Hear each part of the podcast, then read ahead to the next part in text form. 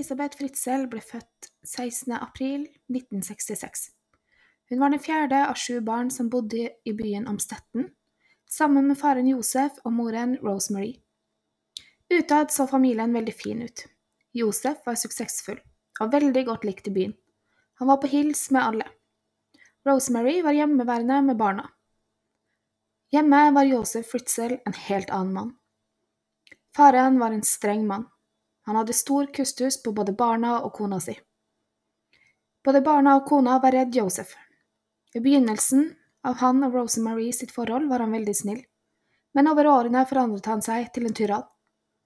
Når han kom hjem fra jobb på kveldene, ble de helt stille. Om de leket, sluttet de med det med en gang faren kom inn døra. Ingen ville lage en lyd som kunne irritere faren og gjøre han sint.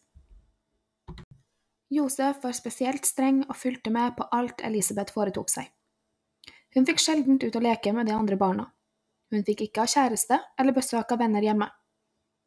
Dette gjorde at Elisabeth ikke hadde så mange venner. Siden hun av og til kunne svare faren tilbake, begynte han å banke henne i en alder av elleve år.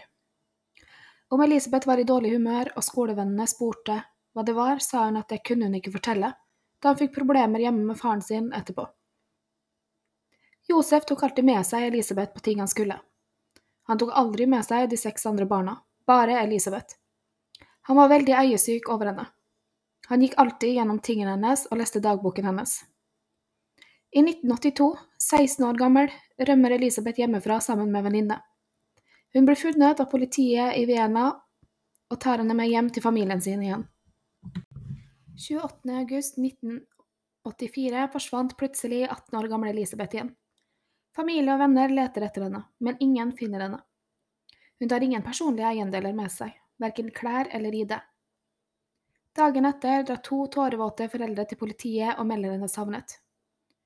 Politiet søker i byen og nærområdene, men etter flere uker finner de henne fortsatt ikke. En måned etter hun forsvant, kom det et brev hjem til familien hennes. Det ble sendt ca. to timer fra hjemmet deres, ifølge frimerket. Dette brevet var ifra Elisabeth. Hun skriver at hun ikke vil bo sammen med dem, og hun vil ikke at de skal komme og lete etter henne. Om, om, hun finner ut at de leter etter henne, kommer hun til å forlate landet. Hun skriver også at hun har meldt seg inn i en sekt. Politiet spør foreldrene om de tror på dette brevet, og at de tror dette kommer fra Elisabeth. Og det trodde de på. Politiet snakker så med andre venner og familiemedlemmer av Elisabeth. De tror ikke på dette, spesielt ikke det at hun hadde blitt med i en sekt. Dette fordi Elisabeth sjelden gikk ut. Hennes sosiale liv utenom hjemmet var minimalt. Hvordan skulle hun ha blitt kjent med noen fra en sekt? Men siden Elisabeth hadde rømt to år tidligere, peket alt på at brevet hun sendte, var ekte, og at hun hadde igjen rømt hjemmefra. Ett år etter hennes forsvinning, og ingen hører noe mer fra Elisabeth. Saken hennes ble da stengt, da alt tydelig tydet på at hun frivillig hadde rømt.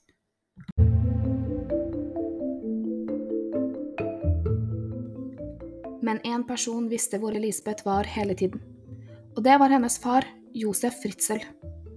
Han hadde startet denne planleggingen, planleggingen seks år før Elisabeth forsvant.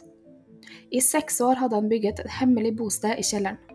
Bak åtte låste dører og en liten luke bak en bokhylle hadde han laget i hans øyne det perfekte hjemmet. For å komme seg inn i denne lille luken måtte man ha en kode. En kode bare Josef Ritzel kunne. Her hadde han bygget et bad, et kjøkken og to soverom. Det var lite og lavt under taket. Alle veggene var lysisolerte og laget av betong. Man kunne ikke stå oppreist i de små rommene der nede. For dette stedet hadde han grusomme planer.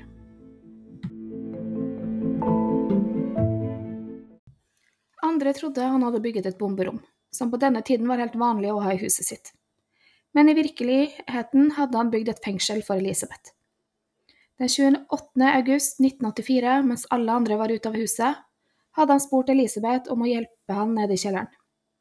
Hun går inn i bomberommet. Faren lukker døren så den treffer Elisabeth og slår henne over ende.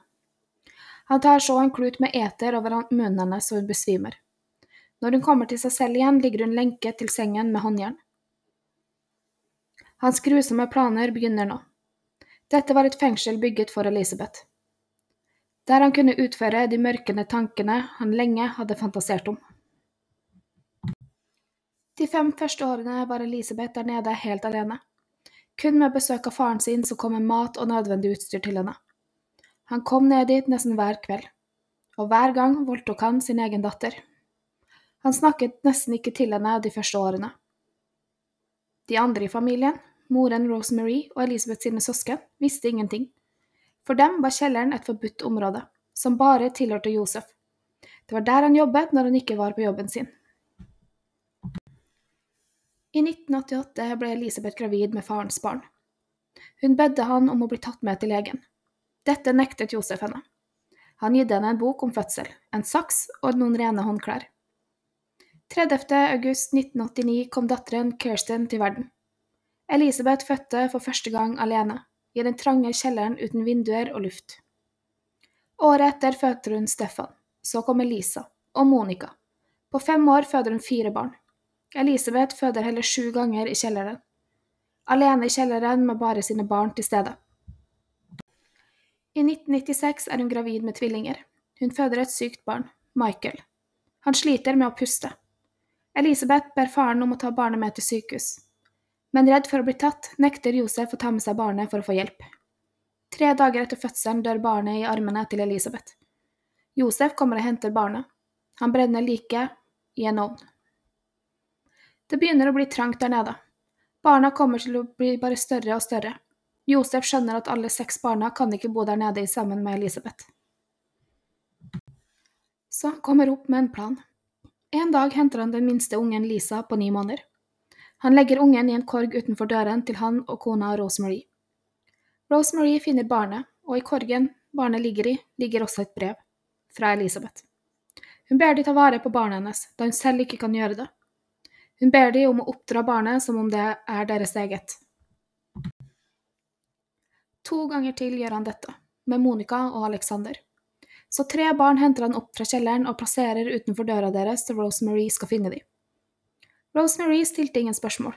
Hun kjente igjen håndskriften til Elisabeth på lappene, og tok barna inn som sine egne. Barna var bare noen måneder gamle når de kom opp. Barna oppe levde et normalt liv. Barnevernet kommer innom på besøk av og til, og alt virker fint. De får månedlig penger for å ha det hjemme hos seg av staten. Og folk utad så på de som gode mennesker som tok imot barna som deres barn bare levna på trappen deres. Han forteller gladelig barna nede i kjelleren hvor godt de barna der oppe hadde det. Han viser de bilder av videoer av at de er på stranden, eller at de bader i bassenget. Tross sin egen situasjon, tross at barna kom til verden som følge av farens brutale overgrep, elsket Elisabeth barna sine. Hun jobbet hardt med, ut med å utdanne de, lære de å lese og skrive, fortelle de om en verden med regn, snø, sol, luft, frisk luft og dagslys. Hun forklarte de hvordan det føltes å gå barbeint på gresset, hvordan regnet føltes mot huden, og hun lovet de at en dag skulle de også få kjenne det.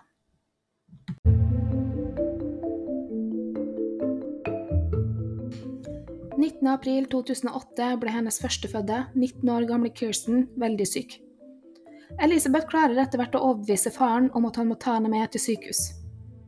Kirstin har alvorlig vitamin D-mangel pga. mangel på sol. Hun er helt blek, nesten som man kan se gjennom henne. Organene hennes hadde begynt å svikte. Hun hadde forferdelige kramper og epilepsianfall. Hun svevde mellom liv og død, og hun ble lagt i kunstig koma. Legene på sykehuset aner ikke hva som forårsaker dette. De prøver å lete i folkeregisteret og i kvinnens legejournal, men de finner ingenting. Det er akkurat som om hun ikke eksisterer. Josef virker veldig lite samarbeidsvillig på sykehuset. Han svarte kort på spørsmål og ville bare at de skulle jobbe med å få barnebarnet sitt friskt, så han kunne ta henne med hjem så fort som mulig. Legene mener det er kritisk å få tak i moren, da de trenger hennes hjelp på hva som feiler datteren, og med bestefarens rare oppførsel kontakter legene politiet.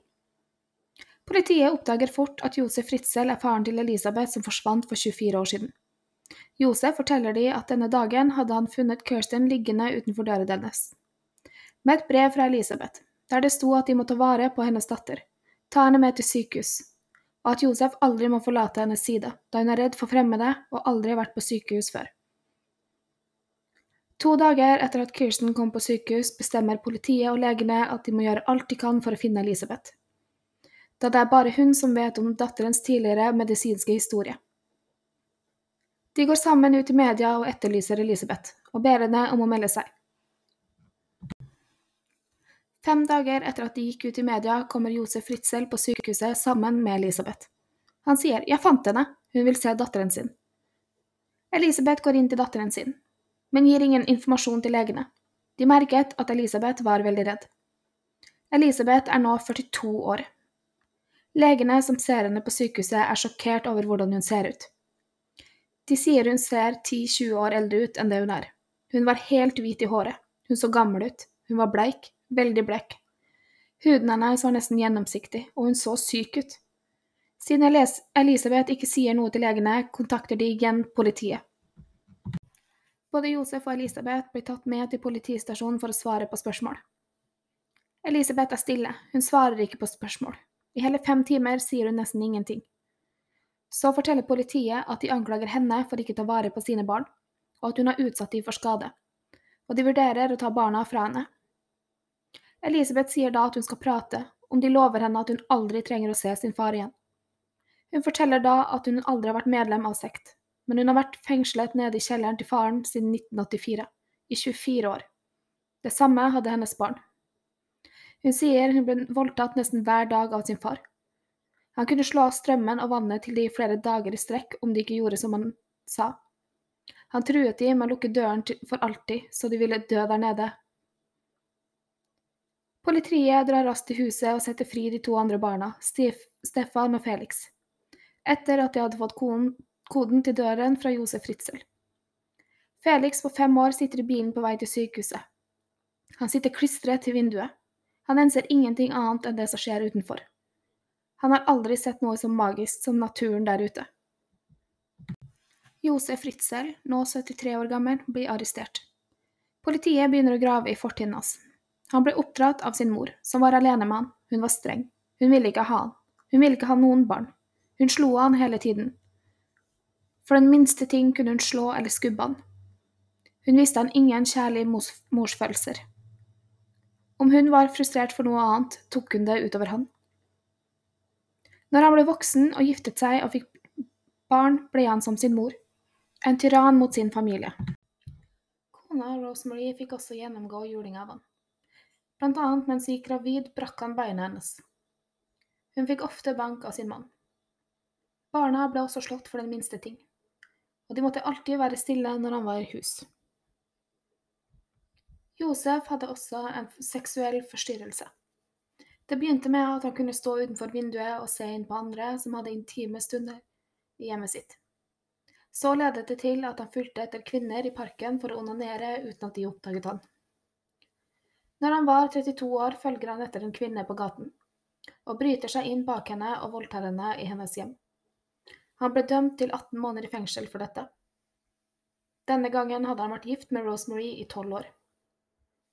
Rosemary forteller familie og venner at han måtte på reise med jobben sin.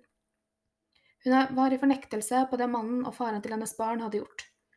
Hun besøker pliktig Josef i fengsel de 18 månedene han sitter der inne. Han selv sa til psykiateren at han var født for å voldta. Derfor tok han Elisabeth. For i torturkjelleren han hadde bygget, kunne han voldta og voldta sin datter uten at noen visste det. Og han kom aldri til å bli tatt av politiet. Josef innrømmer alt han hadde gjort med Elisabeth. Han innrømmer at han bygde kjelleren i seks år for å kidnappe sin egen datter. I seks år jobbet han med kjelleren, og gikk rundt og visste at her skulle han gjøre sin datter vondt, Fengselet han hadde bygd for sin datter, var umulig å rømme ut ifra. Han innrømmer å ha voldtatt henne godt over 3000 ganger der nede. Han sier også at han gjorde henne gravid, var en del av hans plan. Han tenkte at jo flere barn hun fikk, jo mer kontroll hadde han over henne. Han sier om hun en gang kom seg ut, eller han slapp henne ut, så ville ingen andre menn ha henne, fordi hvem ville ha en dame med sju barn? så hun kom for alltid til å bli hans. Så i Josef sine øyne var det jo flere barn, jo bedre. Han forklarer også at når han valgte hvem av barna som skulle opp av kjelleren og inn i huset deres oppe, så valgte han de barna som gråt mest og lagde mest lys. Disse babyene måtte opp. Politiet prøvde å finne ut om det var flere som visste eller hjalp Josef med dette. Men det viser seg at han var alene. Ingen visste om det, og ingen i familien turte noen gang å nærme seg kjelleren, som de bare trodde inneholdt ting han jobbet med. Han truet familien sin, banket de og terroriserte dem. Alle var redd han. Han leide også ut et rom rett over kjelleren. Over 100 stykker leide dette rommet over de 24 årene han hadde Elisabeth i kjelleren. Ingen reagerte på noe merkelig. Foruten én leietaker som hadde en hund. Denne hunden brukte å skrape på gulvet og lage lyder. Først i ettertid skjønner man kanskje hvorfor. Alle leietakerne fikk streng beskjed om å ikke nærme seg kjelleren eller hagen på baksiden av huset. Gjorde de dette, ble de kastet ut på dagen. Josef kjørte også flere mil for å kaste søpla fra kjelleren, og for å dra og handle for de som bodde i kjelleren, kjørte han på helt andre siden av Amstetten, der ingen kjente han. Han bærte varene ned i kjelleren når de andre i huset sover. Ingen mistenkte noe noen gang. Josef Ritzel sin rettssak begynte i 2009. Han var siktet for voldtekt, incest, kidnapping, slaveri og mord. Hans forsvar var at han ville beskytte Elisabeth fra en livsstil han ikke trodde var bra for henne. Han ble dømt til livstid i fengsel. Han er den mest forhatte mannen i fengselet han soner i. I 2016 ble han overfalt av en medfange, så han sitter for det meste i isolasjon for sin egen sikkerhet. Han kan søke om prøveløslatelse i 2024. Da er han 89 år gammel.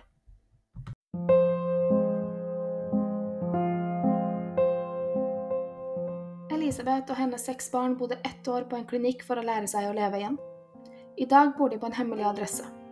Elisabeth og hennes seks barn. Elisabeth skal ha giftet seg.